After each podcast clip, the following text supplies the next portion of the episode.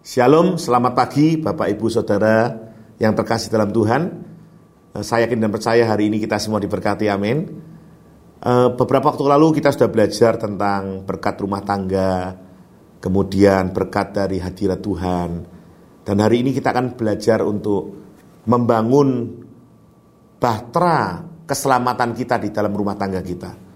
Membangun keselamatan di dalam bahtera rumah tangga kita. Bapak Ibu kasihan Tuhan, kalau ingat Bahtera ingat siapa? Nuh. Ya. Nuh dia membangun Bahtera melakukan kehendak Tuhan dan melakukan berbagai macam cara supaya Bahtera itu jadi supaya keluarganya terselamatkan dari banjir yang sangat besar yang menenggelamkan dunia. Dan kita tahu bagaimana Nuh melakukan segala cara untuk anak-anaknya. Nuh menyelamatkan jiwa anak-anaknya. Tapi kita, apakah yang bisa kita lakukan untuk anak-anak kita? Apakah kita bisa menyelamatkan anak-anak kita? Tentunya tidak. Tapi kita bisa menjadi berkat untuk anak-anak kita supaya anak-anak kita selamat. Tentunya memastikan keselamatan bagi anak-anak kita. Maaf Bapak Ibu Saudara, berapa banyak kita yang sering berkata kepada orang yang dekat dengan kita, memastikan keselamatan.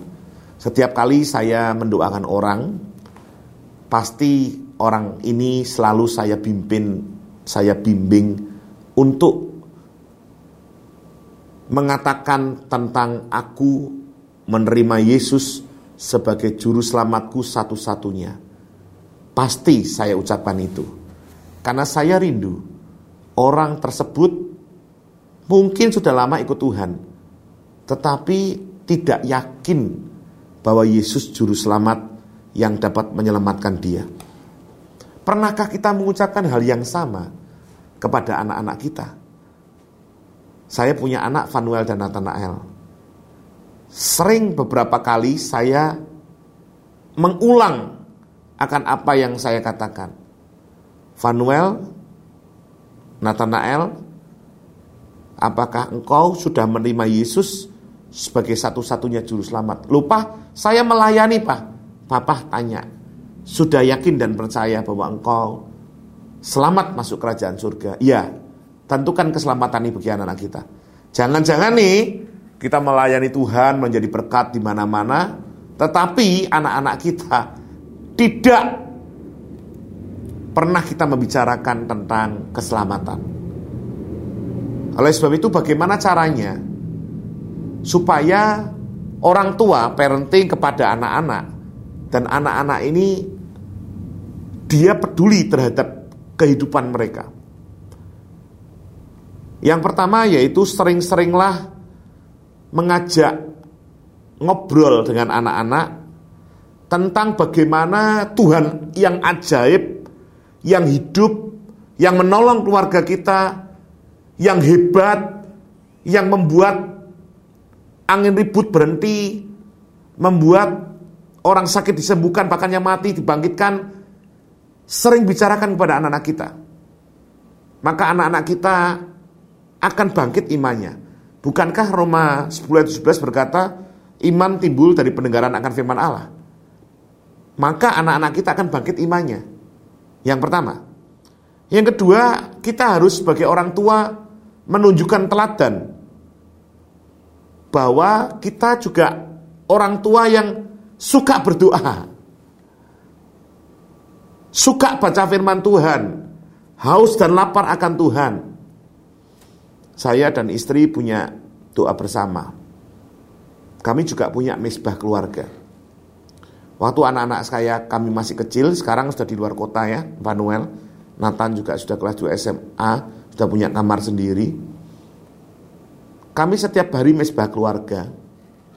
Dan yang luar biasa, ketika kami berdua capek, sudah mau tidur, lupa untuk doa bersama, doa misbah keluarga anak-anak kami yang ingatkan.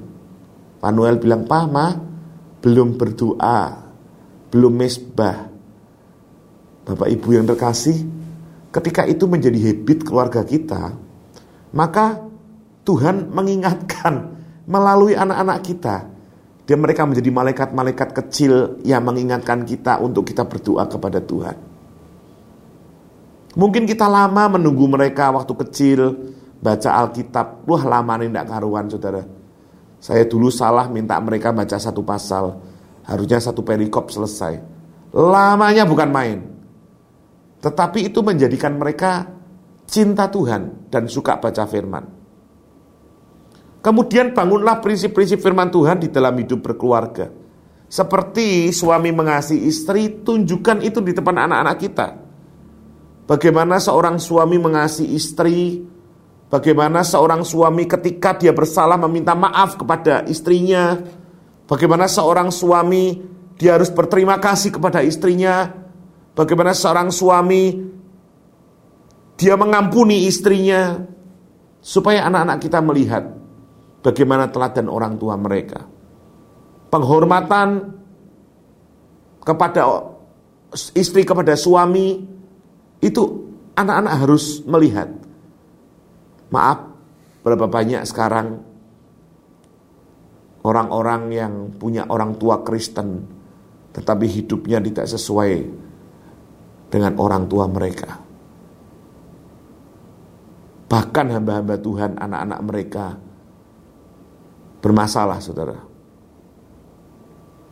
Doronglah anak-anak untuk beribadah. Kalau itu sejak kecil sudah dilakukan, maka itu akan jadi kebutuhan mereka. Ketika saya 2002 belajar tentang prinsip keluarga, kami mulai belajar berdoa untuk visi iman dan kepercayaan. Visi iman kepercayaan apa? Yaitu saya mulai berdoa untuk istri saya.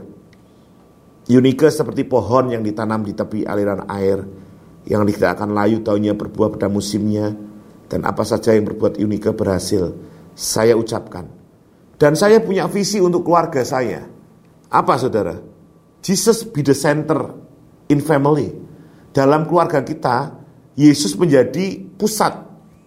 Jadi kalau hari Minggu ya harinya ke gereja, Pernah anak-anak saya hari Minggu dia mau diwajak temennya pergi. Saya bilang tidak boleh.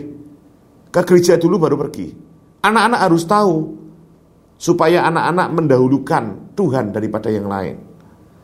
Yang terakhir Bapak Ibu Saudara, adalah anak-anak kita untuk sesuai hidupnya